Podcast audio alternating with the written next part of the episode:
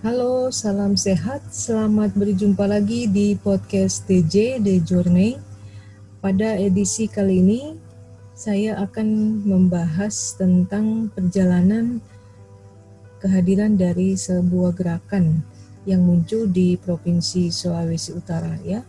Karena bulan ini masih dalam rangkaian memperingati Hari Perempuan Internasional bulan Maret maka pada edisi kali ini saya akan mengangkat tentang uh, munculnya sebuah gerakan uh, lokal ya, mungkin bisa dibilang demikian karena ini munculnya di satu daerah di salah satu provinsi di Indonesia yaitu di Sulawesi Utara.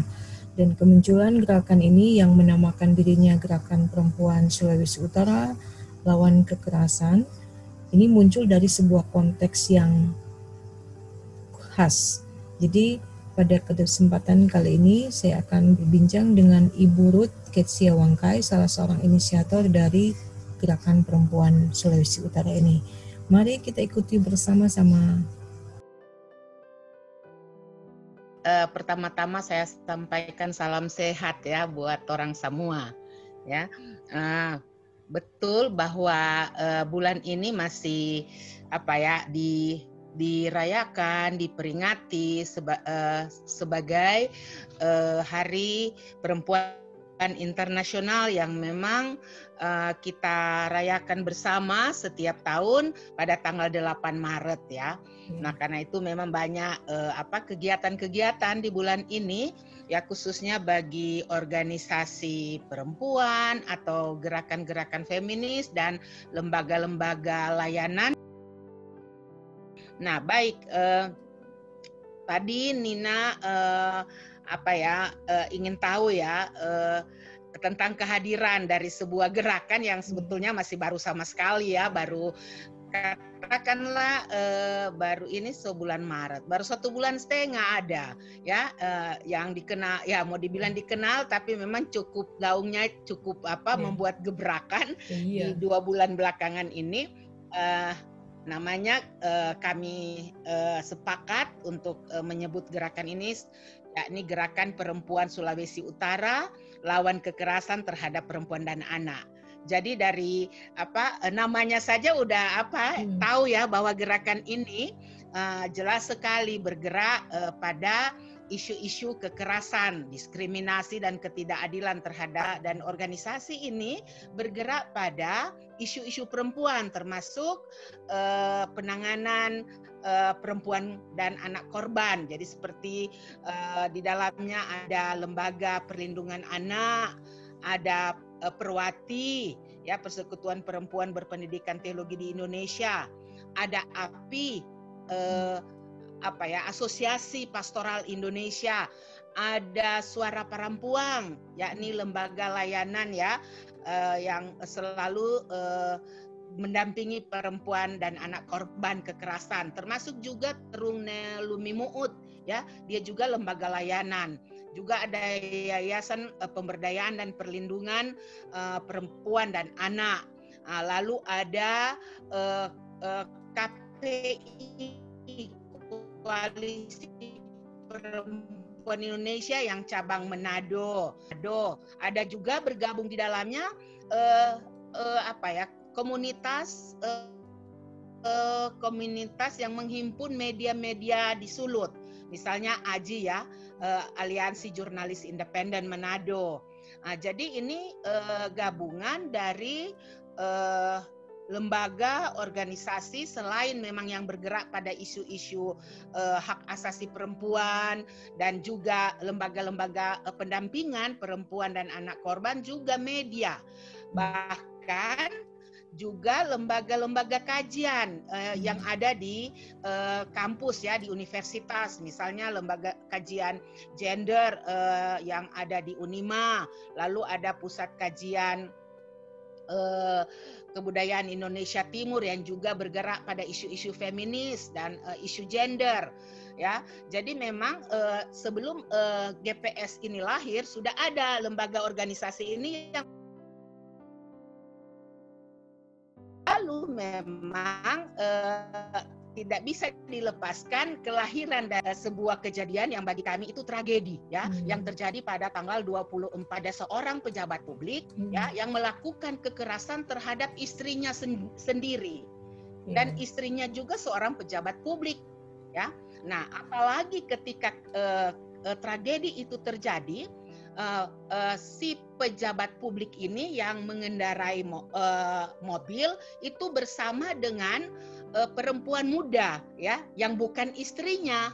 Nah, nah, karena itu ya apa yang kita lihat melalui video-video yang viral, ya video amatir yang memang dibuat oleh warga sekitar, itu jelas sekali menunjukkan sebuah kekerasan bahkan mengancam ya kematian dari korban yang tidak lain adalah istri dari pelaku. Hmm. Nah, korban itu uh, naik bahkan uh, sampai di atas uh, kap mobil bergelantungan, sementara mobil yang dikendarai oleh pelaku dan di sampingnya ada perempuan muda, ya itu berjalan terus. Hmm. Nah, sangat miris, sangat sedih sekali, bahkan merobek-robek hati kemanusiaan kita, apalagi kita sebagai perempuan ya walaupun tidak menyaksikan langsung tapi hmm. video itu adalah bukti eh, dan jejak digital yang tak mungkin hmm. dihapus ya dia akan ada terus dan menceritakan bagaimana perempuan itu bisa menjadi uh, korban ya hmm. dari pelaku yang tidak lain adalah suami sendiri ya ini ini sungguh-sungguh sangat menyakitkan karena ternyata orang yang paling dekat pun ya bisa menjadi uh, uh, pelaku bahkan mungkin pembunuh ya. Hmm. Nah, uh, dengan uh, apa kejadian bahkan kami sebut itu sebagai tragedi yang sangat uh, mengoyak-ngoyak hati kami perempuan, ya uh, muncullah inisiatif secara spontanitas ya hmm. itu itu tidak diduga sebelumnya tidak dirancang sebelumnya tapi spontanitas. Lembaga-lembaga organisasi yang tadinya berdiri sendiri dan menangani sendiri ya eh, kasus-kasus misalnya tentang kekerasan ataupun uh, apa program-program edukasi hmm. ya tapi secara spontan uh, apa ber, bertemu Nah, dan karena memang pandemi ya kami memang waktu itu bertemu uh, virtual. Hmm. Tapi uh, itu lahir dari uh, rasa kemanusiaan. Ya dan keprihatinan yang mendalam terhadap kasus-kasus uh, kekerasan yang memang meningkat di masa pandemi termasuk yang terjadi di Sulawesi Utara di lingkungan kita sendiri. Hmm. Nah, it, uh, jadi kejadian atau tragedi kekerasan yang dipertontonkan oleh seorang pejabat publik ya terhadap istrinya sendiri uh, di ruang publik itu yang menjadi pemicu ya tetapi sebelumnya sudah ada lembaga-lembaga independen ini yang memang bergerak pada isu-isu kemanusiaan bahkan lingkungan lingkungan hmm. hidup uh, di sini nah karena itu uh, dengan uh, apa dengan dorongan dan panggilan kemanusiaan itu uh, apa uh, secara spontan 23 uh, lembaga dan organisasi ini uh, menyatu di dalam uh, sebuah apa gerakan yang kita sebut gerakan perempuan Sulawesi Utara lawan kekerasan terhadap perempuan dan anak. Nah, itu uh, kira apa ya yeah. Iya. uh, introduksi yeah. tentang latar belakang dan lahirnya GPS ini. Iya, yeah. kalau mau dilihat itu luar biasa, Bu ya, bisa mengumpulkan ada 23 apa uh, lembaga atau juga yeah. gerakan membentuk suatu gerakan di daerah Sulawesi Utara. Ini gaungnya jadi luar biasa sebenarnya, karena kalau mau lihat masing-masing hmm. lembaga sudah melakukan upaya-upaya menangani iya. respon yeah. kasus kekerasan, tapi dengan berkumpulnya dalam gerakan ini justru uh, luar biasa. Jadi, nah uh, ke depan kira-kira bagaimana untuk langkah-langkah ke depan dari gerakan GPS ini? Iya, uh, iya memang uh, GPS ini kan gerakan spontan yang lahir dari uh, rasa kemanusiaan ya lembaga lembaga dan organisasi yang sudah ada. Nah, uh, memang dia uh, ke, uh, bagi bagi kami GPS terasa sekali ketika jalan sendiri-sendiri masih sebagai organisasi dengan namanya dan fungsi perannya masing-masing gaungnya nggak nggak terlalu apa kan ya. Memang orang tahu misalnya ada perwati ada uh, suara perempuan. Uh, tapi uh, geliat dan gerakannya itu kan ya uh, uh, apa uh, masih terkungkung dalam lingkungan sendiri. Kalau toh hmm. ada apa gaungnya ya sekali-sekali. Nah tapi ternyata uh, uh, apa uh, membangun sebuah gerakan untuk melawan kekerasan terhadap perempuan dan anak itu penting sekali memperkuat jaringan Nah, bahkan uh, uh, GPS ini selain uh, ber, uh, ber, uh, apa terdiri dari 23 organisasi lembaga yang sudah saya sebutkan tadi juga didukung penuh oleh jaringan nasional. Jadi hmm. kami cepat sekali uh, mem memperluas yeah. uh, kekuatan uh, mem memperluas dan membangun kekuatan bersama karena bagi kami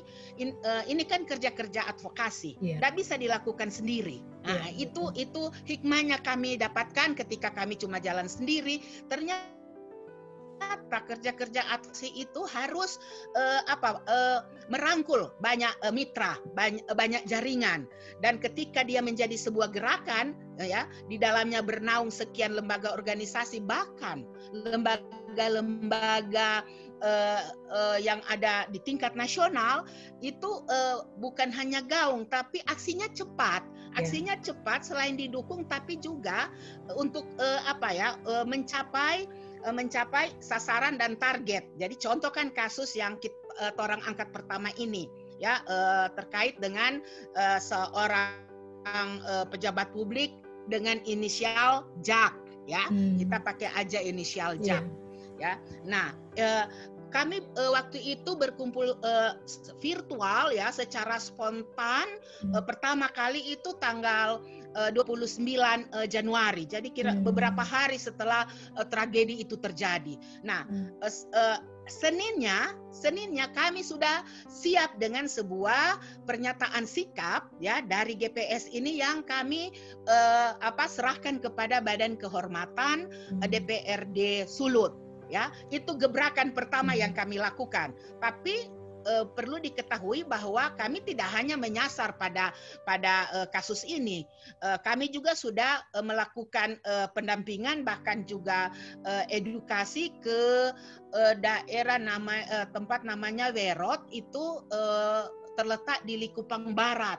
Itu ada kasus uh, pedofilia Nah, hmm. kasus pedofilia yang dilakukan oleh seorang yang dewasa, laki-laki dewasa kepada 19 uh, orang anak yang oh. ada di desa Werot itu.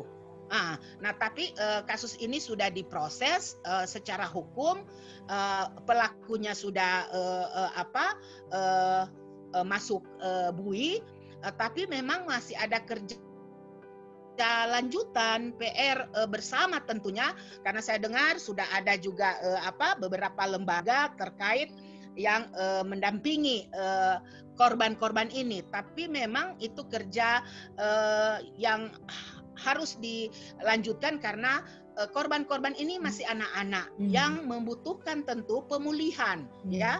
Jadi harus ada pendampingan dan pemulihan sebab ternyata yang terjadi anak-anak uh, ini diajarkan juga melakukan sodomi kepada teman-temannya. Hmm. Jadi dari kasus pedofilia oleh seorang uh, laki-laki dewasa kemudian berkembang. Nah, hmm. jadi apa ya? Uh, sangat miris ya karena dari korban uh, apa melahirkan korban baru lagi yeah, dan yeah. itu membuat keluarga-keluarga ini jadi berantem. Hmm karena anaknya jadi korban dari anak-anak yang lain itu yang sebetulnya korban dari si pelaku pedofilia ya, itu. Itu jadi siklus nah, ya. Tapi oke okay lah, uh, ini Iya siklus, siklus uh, yang ber, uh, karena korban waktu itu ada dia bilang kenapa dia nggak curiga karena kan anaknya laki-laki dia bilang hmm. memang anaknya itu pulang malam selalu pulang malam tapi anaknya nggak curiga apalagi pelaku itu temannya hmm. temannya jadi dia kenal baik kan yang hmm. ada di desa itu hmm. lalu dia bilang nggak curiga karena laki anak laki-laki nah itu yang uh, ternyata harus robah ya hmm. cara pandang kita kekerasan itu bisa terjadi kepada siapa saja yeah. tidak hanya uh, korban yang berjenis kelamin perempuan yeah. ya iya. atau uh, uh, apa memiliki keragaman gender dan seksualitas yeah. Yeah. kepada laki-laki pun itu ter, ya, ini bukti kan terjadi. Itu kurang yeah. mendapatkan informasi ya nah, bahwa ini juga kasus, menjadi kasus perhatian itu yeah. kan iya. Jadi, uh, jadi sampai dibilang begini karena uh, dilakukan beberapa kali kan hmm. uh, sodomi. Lalu DP mama sampai bilang begini, kasihan sampai menangis. Dia sampai bilang pada DP anak, nganak kalau perempuan so hamil berapa kali? Sampai hmm. mamanya ucapkan begitu ya hmm. sedih sekali ya waktu itu hmm. ada mamanya, omaknya karena dia tidak sangka walaupun dia pernah tegur anaknya kayak apa pulang malam hmm. karena anaknya tidak pernah terbuka bahkan dia bilang nanti terbuka ketika sudah sudah diproses di polisi Nah ini oh. ini kasus yang lain yeah. ya. Nah, tapi memang kami uh, belum rutin uh, melakukan pendampingan itu. Tapi kalau memang mau tanya tentang kasus Jack itu masih kami uh, dan uh, kawal terus. Karena tuntutan kami memang memang kan ada yang bilang uh, so tidak ada masalah kuat so selesai dorang uh, apa uh, hubungan suami istri sudah rukun kembali. Oke okay, orang kan juga turut mendoakan. Malah orang ikut apa senang ketika mendengarkan hubungan suami istri sudah rukun apalagi kalau pelaku ini ber bertobat, dia harus menunjukkan pertobatannya. Jangan sampai rupa orang dengar masih ada lagi hubungan dengan uh, perempuan muda itu katanya. Tapi ini kan perlu dibuktikan. Tapi uh, pertobatan itu kan harus ada perubahan. Iya. Itu yang harus dibuktikan oleh pelaku. Nah, uh, jadi memang kami tidak bisa mendampingi korban karena korban pun tidak melapor kan walaupun sudah ada undang-undang PKDRT ya hmm. tapi uh, undang-undang PK, PKDRT ini kan uh, apa sifatnya delik aduan yeah. Nah, kalau delik aduan kan harus korban yang melapor. Lain dengan pidana murni. Publik bisa melapor ketika uh, menyaksikan ya kejus kekerasan pedofilia. Itu pun kan mesti ada saksi-saksi. Apalagi hmm. kan KUHP kita kan uh, apa belum belum uh, apa sepenuhnya mengakomodir jenis-jenis kekerasan karena yeah. itu sekarang kan uh, apa uh, Torang mendukung uh, sangat mendukung uh, untuk segera disahkan RUU penghapusan kekerasan yeah. seksual karena di dalam draft RUU uh, penghapusan kekerasan seksual itu ada sembilan jenis kekerasan seksual. Nah, kami juga bisa merujuk uh, apa korban karena kami melihat uh, apa kasus uh, Jack ini bukan cuma satu korban, tapi ada dua korban, termasuk hmm. dengan perempuan muda itu ya hmm. yang menjalin hubungan intim dengan uh, pelaku. Karena kalau orang dengar itu kasus, uh, dorang mulai ada hubungan intim itu uh, saat AS ini inisialnya AS berusia 16 tahun. Sekarang hmm. memang dia sudah 18 tahun. Nah, uh, karena sudah lewat 18 tahun ya orang tidak bisa pakai undang-undang perlindungan anak. Hmm, betul, ya. ya. Nah, itu kesulitan juga hambatan. Yeah. Nah, eh, tapi tetap itu ya kalau dalam bahasa kekerasan seksual dikenal istilah child grooming tadi dan itu biasa terjadi pada anak-anak ya hmm. uh, yang masih usia di bawah umur. Nah, uh, apalagi dengan uh, apa kemajuan iptek dan uh, apa teknologi digital sekarang, child grooming ini banyak kali terjadi melalui uh, apa apa yang disebut dengan uh, apa namanya uh, uh, uh, violence uh, uh, apa uh, uh, kekerasan berbasis gender online Ah, hmm. kekerasan berbasis gender online. Yeah. Nah, itu itu banyak dan itu sudah uh, sudah banyak juga melapor dan terungkap. Cuma hmm. banyak juga orang tua dan korban tidak tahu kan. Hmm. Nah, di misalnya dihubungi oleh pelaku itu melalui pertemanan ya, yeah. apakah Facebook atau media sosial lainnya. Yeah. Uh, awalnya tidak dikenal tapi melalui rayuan dari pelaku si anak ini apalagi dia pakai misalnya profil uh, palsu ya yeah. yang bukan profilnya bisa dia uh, apa uh, ber apa ber uh, ber kamuflase seolah-olah menjadi pacarnya, iya. kekasihnya, yeah. atau menjadi mentor, atau pokoknya dia berusaha meyakinkan korban itu menjadi uh, apa supaya korban percaya, yeah. percaya.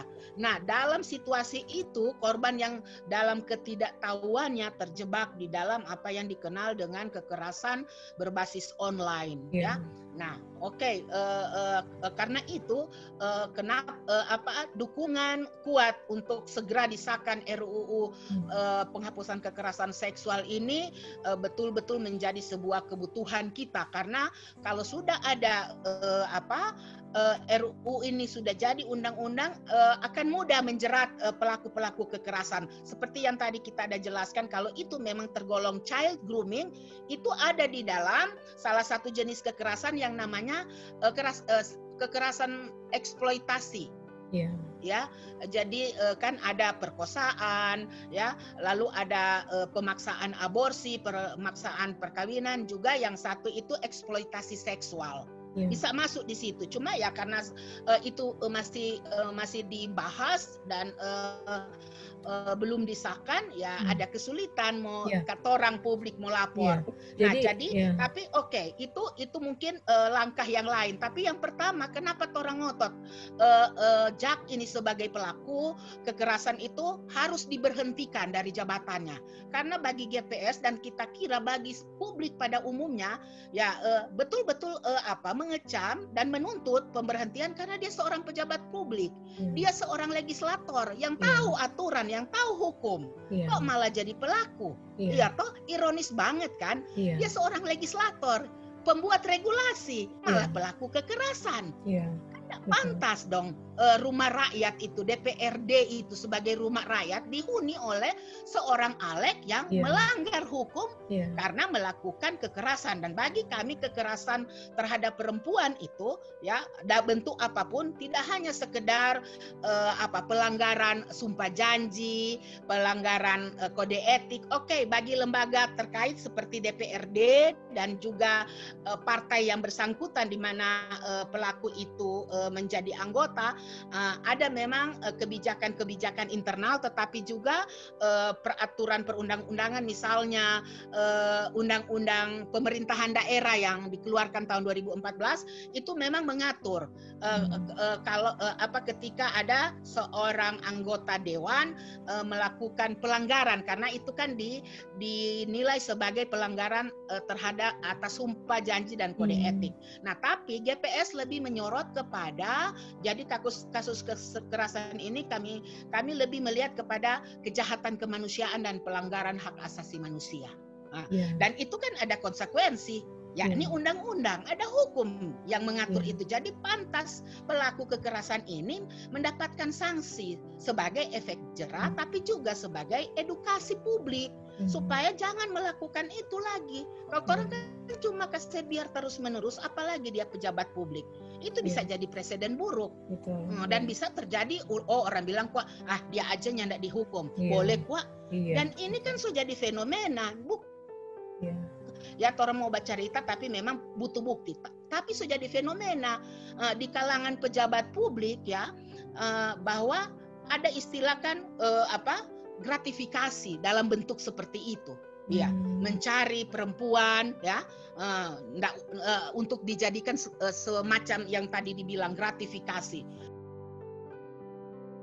Dari jaringan nasional so so uh, mulai uh, apa uh, menyusun agenda. Nah, katanya pernah uh, jadi uh, jaringan nasional ini termasuk Komnas Perempuan, lalu termasuk uh, apa uh, Kaukus Perempuan Parlemen, lalu Koalisi Perempuan Indonesia, Kaliana Mitra, lalu uh, Asosiasi uh, LBH Apik, uh, hmm. ada ada 13 kalau tidak salah, termasuk Perwati Perwati Nasional mendukung Torang, hmm. API Nasional juga. Nah, uh, jadi uh, sudah mulai muncul uh, apa? Inisiatif untuk uh, uh, apa orang membuat agenda bersama hmm. uh, karena pernah katanya tahun 2004 uh, 2004 itu ada gerakan yang bergerak pada uh, apa uh, istilahnya uh, politisi busuk. Jadi uh, sosialisasi dan kampanye anti politisi busuk. Hmm. Cuma pada waktu itu eh, konsep tentang anti politis busuk lebih terkait dengan kasus-kasus korupsi hmm. eh, lalu eh, apa termasuk eh, apa ya terlibat dalam eksploitasi alam ya lingkungan. Yeah. Yeah. Nah, kali ini Tora mau tambah dengan yeah. eh, ini yeah. pelaku kekerasan. Yeah. Nah, tentu tadi termasuk yang gratifikasi itu. Masa orang perempuan dijadikan objek seks?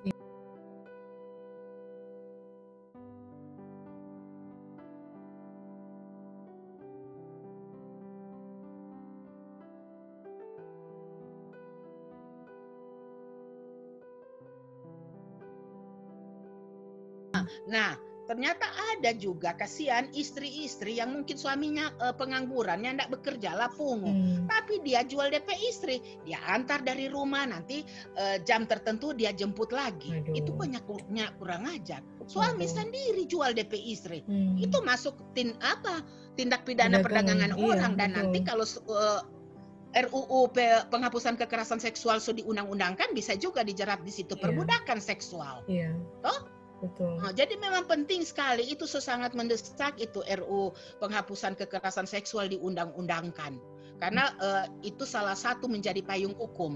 Yeah. tuntutan uh, kepada pelaku tetapi lebih kepada juga karena dia kan mengandung prinsip-prinsip uh, uh, apa uh, pencegahan ya. Yeah. jadi bukan cuma penanganan tapi mulai dari pencegahan. Bahkan sampai penindakan pelaku dan pemulihan korban. Jadi ada rehabilitasi Iya. Dan kalau sudah jadi uh, uh, apa undang-undang berarti ada anggaran kan dari negara. Nah, iya. persoalan kalau belum ada undang-undang, negara selalu lepas tangan. Padahal itu kewajiban dan tanggung jawab negara yeah. melindungi setiap uh, warga negara, ya, termasuk yeah. perempuan di dalamnya. Dan SIDO misalnya, Nina yeah. tahu sekali kan SIDO. SIDO itu kan sudah diratifikasi oleh yeah. pemerintah dalam Undang-Undang Nomor 7 tahun 19 Yeah. ampa. Turunan Sido itu antara lain pengarus utamaan gender, impres presiden di masa Gus Dur. Lalu undang-undang PKDRT itu hmm. juga turunan Sido kan. Yeah.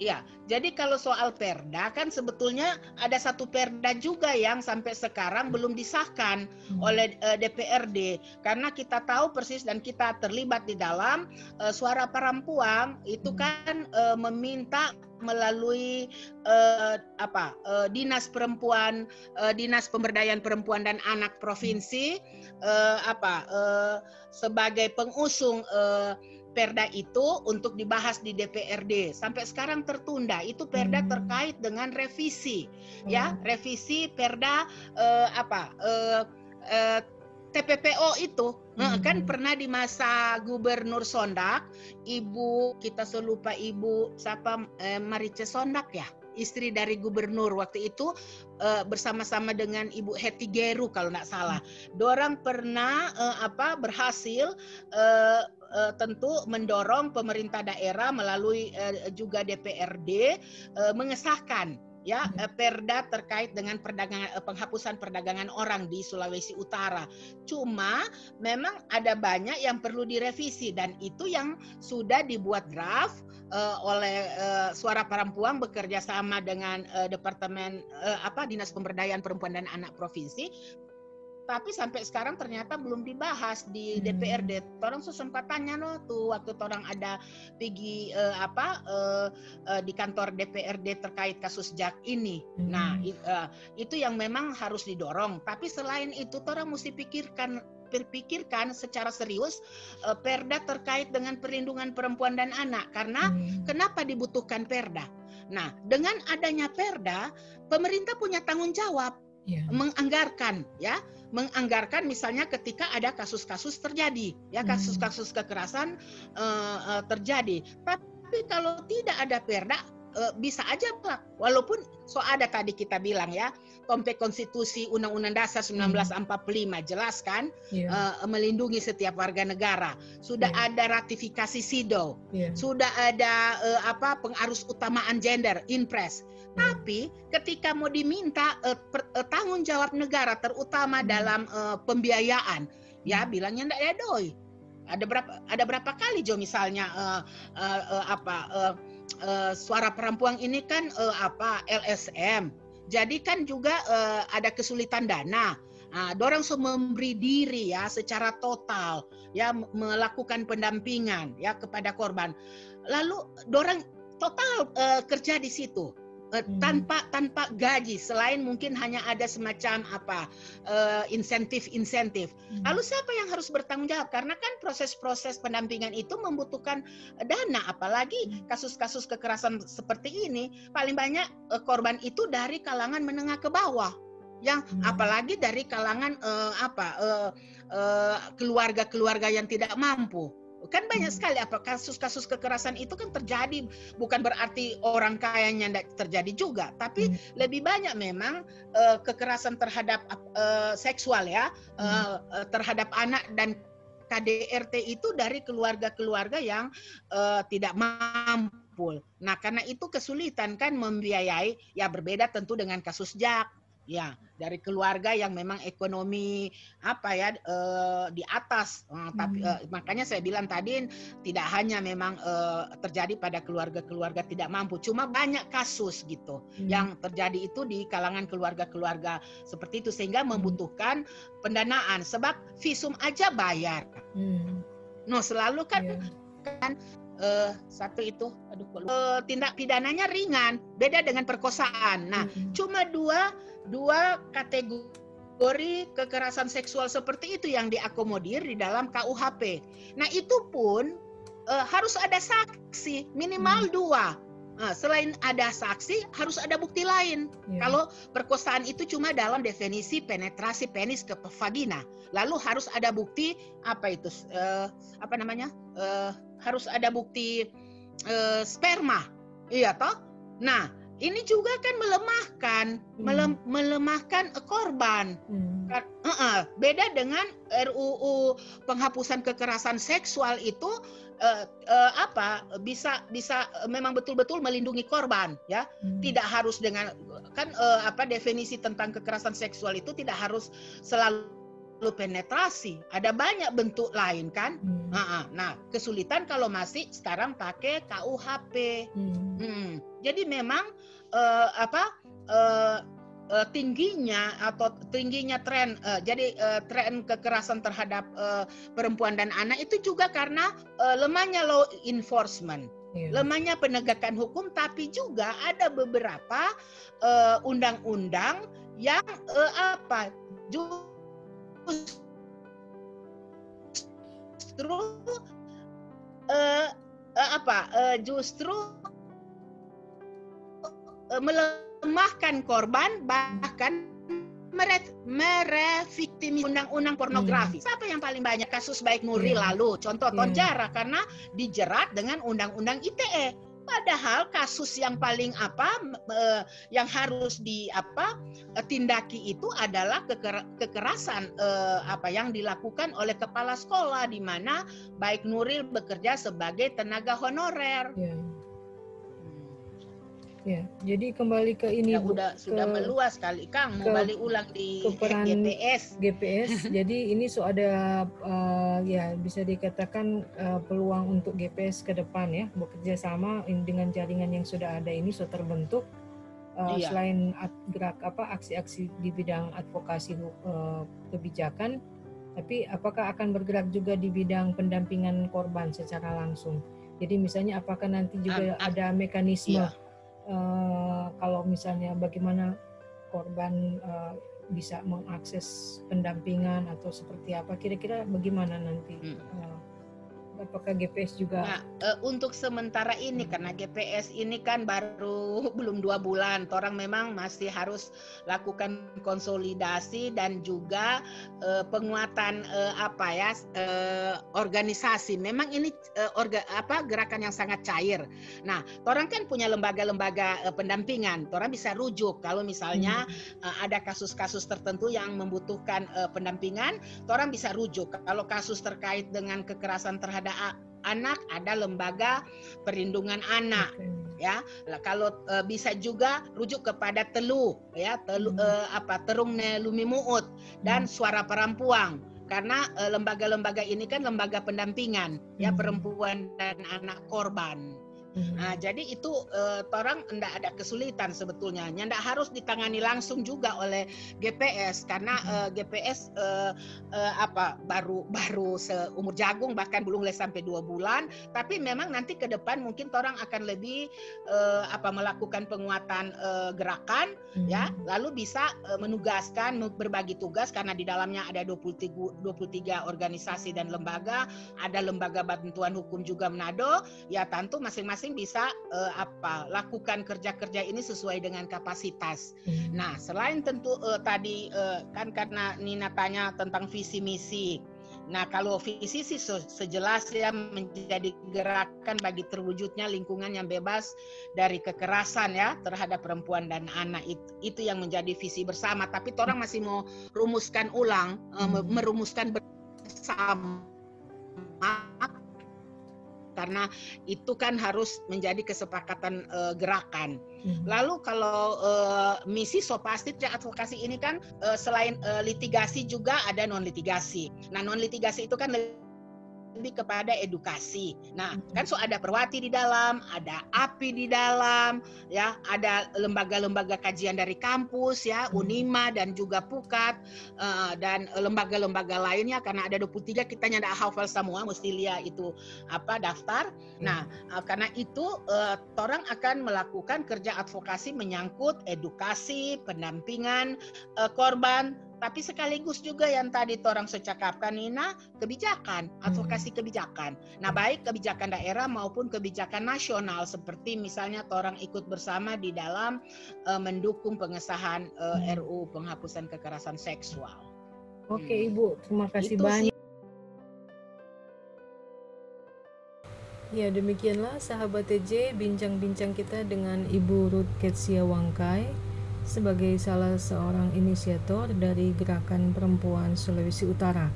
Dengan dialek logat Manado yang sangat kental, Ibu Ruth sudah berbagi tentang bagaimana gerakan perempuan sulit itu hadir di tengah-tengah masyarakat Sulawesi Utara dan harapan kita bahwa melalui kepedulian kita bersama kita dapat ikut mewujudkan kehidupan masyarakat yang bebas dari kekerasan.